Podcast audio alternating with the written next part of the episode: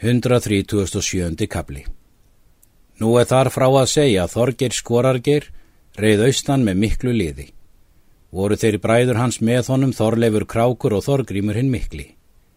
Þeir riðu þar til er þeir komu til Hofs til Marðar Valgarssonar og byðu þar til þess er hann var búinn. Mörður hafi sapna hverju mann er voppfær var og fundu þeir það eina á að hann var hinn örugasti í öllu.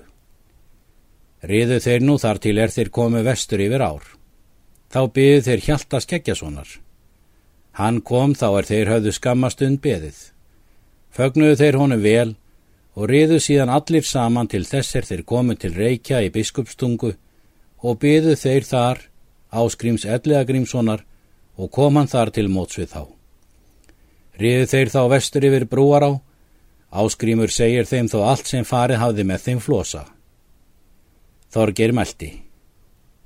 Það myndi ég vilja að við reyndum karlmennsku þeirra áður líki þinginu.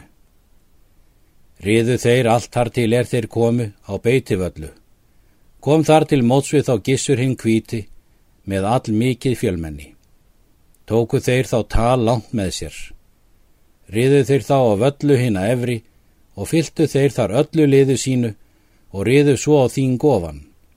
Flósu og menn hans hljópu til vopna allir og var þá við sjálft að þeir myndu berjast en þeir áskrímur og þeirra sveit gerðust ekki til þess og riðu til búða sinna. Var nú kyrt þann dag svo að þeir áttust ekki við.